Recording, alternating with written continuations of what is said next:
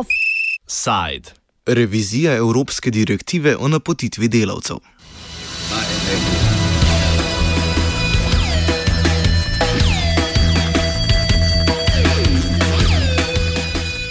Pred Evropski parlament je komisija predložila predlog reforme direktive o napotitvi delavcev.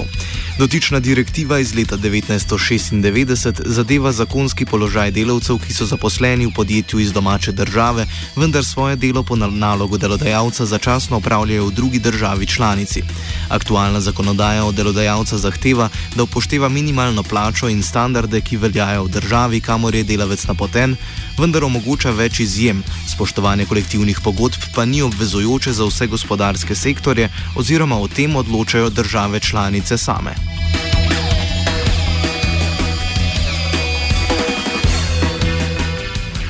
Ključne spremembe v predlagani reformi tako predvidevajo enakovredno plačilo v skladu s kolektivno pogodbo v določenem sektorju, obvezo po spoštovanju kolektivnih pogodb v vseh članicah, enako obravnavo zaposlenih v domačih in tujih zaposlitvenih agencijah ter uveljavitev enakih pravic za napotenega delavca, ki v neki državi dela več kot dve leti. Ali spremembe prinašajo večje varstvo napotenih delavcev, Goran Lukič iz svetovalnice za, za migrante.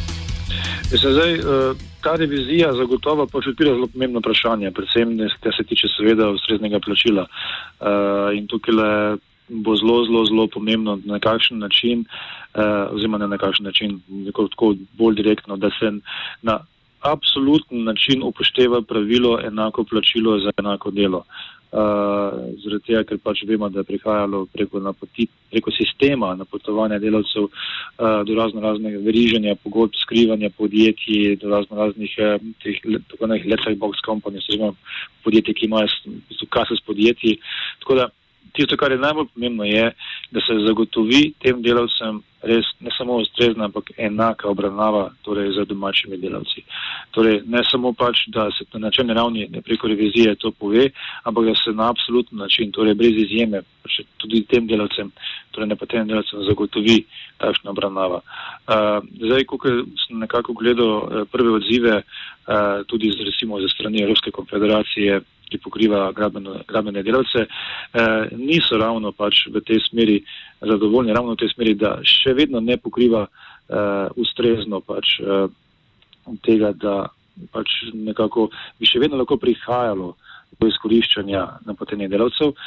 In zato bi jaz rekel, da čaka komisijo Evropsko še kar nekaj dela, ampak je to nujna stvar, ker če hočemo mi zdaj nekako to, eh, ta problem socialnega dumpinga rešiti, ga moramo rešiti res na absoluten način, ne pa da vedno znova puščamo neke lukne in potem se čudimo, kaj se dogaja. Aktualni predlog še vedno dopušča več pomankljivosti. Med drugim predvideva, da bi države same odločile, ali je napoteni delavec zaposlen pri podizvajalcu upravičen do enakega plačila kot zaposleni pri glavnemu izvajalcu del. Na neučinkovitost pri soočanju s problematiko veriženja zaposlitev je opozorila tudi Konfederacija evropskih sindikatov.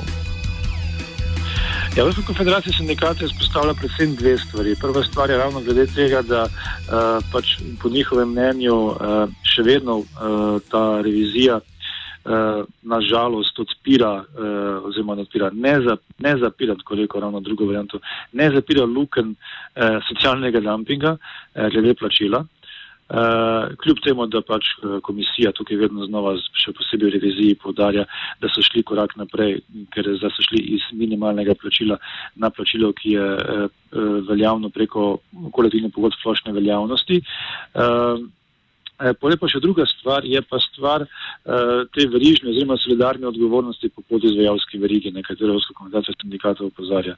Torej, uh, to mislim, da bi moralo se že enkrat za vse rešiti, da če že govorimo o podizvajalskih verigah, potem se morajo zavedati vsi členi te verige, da morajo biti skupno, solidarno, kakorkoli že pojmenujemo, odgovorni eh, za katerikoli člen, katerikoli podjetje v tej verigi, eh, v primeru, če recimo eh, ne plačujejo plač, prispevkov in tako naprej. Predlog reforme je v Evropskem parlamentu doživel pričakovane odzive. Desni pol je zagovarjal stališče, da bi takšno usklajevanje plačil škodilo evropski konkurenčnosti, levica pa, da je reforma še preblaga. Pri tem pa je povedna tudi pragmatična politična drža posameznih držav, odkuder podjetja napotujejo poceni delovno silo. Tukaj je prišlo do neke vrste razklanosti, ki je že pričakovana. Imamo zdaj centralni blok oziroma blok centralne Evrope in zahodne oziroma severne Evrope, ki nekako v skupnem nastopu daje vedeti, da je absolutno za princip enakega plačila za enako delo uh, na enakem mestu. Uh, to so recimo, ne vem, če tako pogledamo, Belgija, Nizozemska, Nemčija, skandinavske države.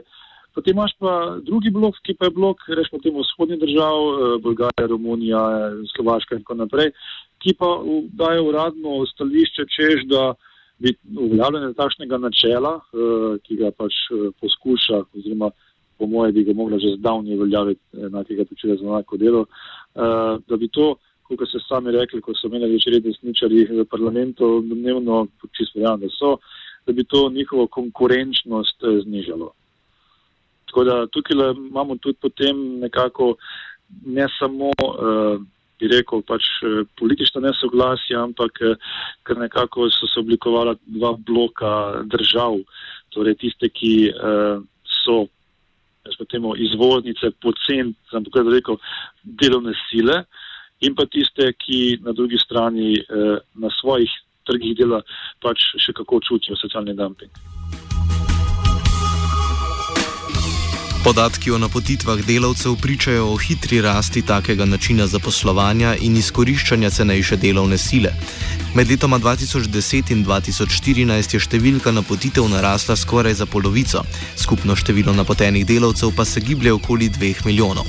Med tovrstnimi zaposlitvami močno prevladuje gradbena panoga, ki predstavlja 43 odstotkov vseh napotitev, sledi pa proizvodna industrija, ki predstavlja 21 odstotni delež. Ostanek predstavljajo dejavnosti izobraževanja, zdravstva in poslovni sektor.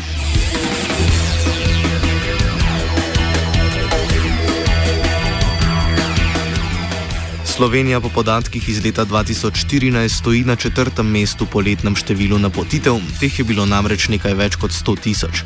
Po večini gre za zaposlene v gradbeni dejavnosti, več Oskar Komac iz Sindikata delavcev gradbenih dejavnosti Slovenije.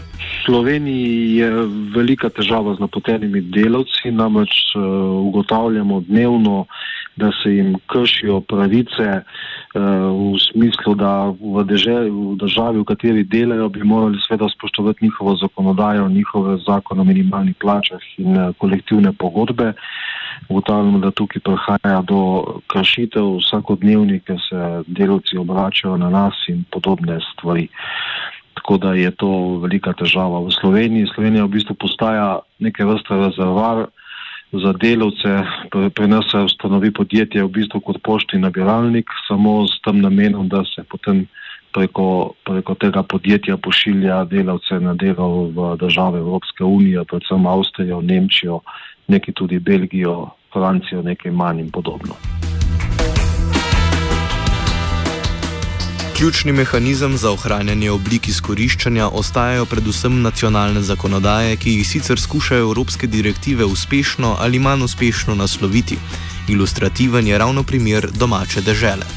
Uf, v veliki meri, v veliki meri zaradi tega, ker bodi si napisane površno, zdaj tukaj se nam spuščajo teorije zarote, ne vem zakaj so tako napisane, torej ali so napisane zaradi površnosti same, z nekim namenom, da zadovoljijo interes nekoga ali neke interesne skupine, na koncu posledica ista. Zdaj, za Slovenijo vemo, zdaj že ptički čivkajo za ta sistem A1 obrazcev, ki so pač nujni eh, za delovce, ki so napoteni v tujino.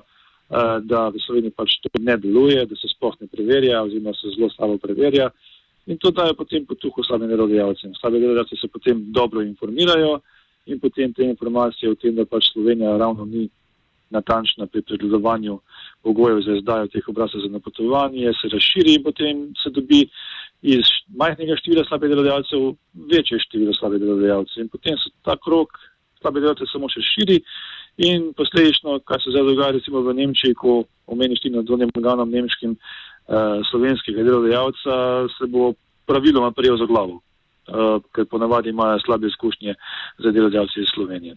To je seveda tudi slaba reklama za tiste delodajalce v Sloveniji, ki hočejo dobro delati. Tako da tukaj me čudi na zadnje, da tudi slovenske delodajalske organizacije, pač njihove pač cehovske organizacije, niso malce bolj tudi javno agresivne, da pač tudi počistijo uh, te slabe delodajalce, ne samo iz svojih vrst, ampak da preventivno jim rečejo, pač, da delajo njim samim poslovno škodo. Kaj natančno je težava obrazcev A1, razloži komac. Problem zloglasnih ena obrazcev je predvsem v tem, da Zavod za zdravstveno zavarovanje, ki je nekje pooblaščen za izdajo teh obrazcev in potrebovanje teh obrazcev, ne preverja pred izdajo obrazca z obrazložitvijo, ki je za nas nespremljiva, da ne morejo predhodno preveriti, ker niso povezane baze podatkov in podobne zadeve. Vendar te, to ta razlaga seveda ne, ne, ne zdrži, ne, ker to pomeni, da potem izdajajo obrazce brez preverjanja in seveda tudi podjetjem, ki do takih obrazcev niso upravičena. Ne. Slovenska vlada sicer že pripravlja zakon, ki bo sledil predvidenim spremembam direktive o napotitvi delavcev, vendar ostaja vprašanje, ali bo uspel nasloviti pomankljivo delo institucij. Zaključki komac. Zdaj, za rešitev tega problema se pripravlja uh, sicer prav zakon o, o napotenih delavcih, ker mi Slovenija dela trenutno samo po direktivah. Uh, Uh, vendar tudi sam zakon ne bo, rešil, ne bo rešil tega problema. Tudi po predlogu zakona je zopet eh, Zavod zdravstveno zavajanje tisti, ki naj bi izdajal te obrazce oziroma potrjeval, kar je sicer tudi v skladu z direktivo, drug uh, že direktiva v bistvu določa nacionalne zdravstvene zavarovalnice, da morajo to uh, početi. Uh, mi pa seveda pričakujemo, da bodo te obrazci v da bodo dejansko izpolnjeni pogoji za izdajo tega obrazca, se pravi plačilo, plačilo vseh davkov in prispevkov, eh, odnos do zaposlenih in vse, kar je s tem povezano. To je sam zakon, ne bo reševal, koliko ne bodo podporne funkcije takšne, kot morajo biti. Če bo zavod še vedno potreboval te eh, obrazce brez uh, preverjanja, ne, potem bo problem isti. Ne. Offset je pripravil Jošt.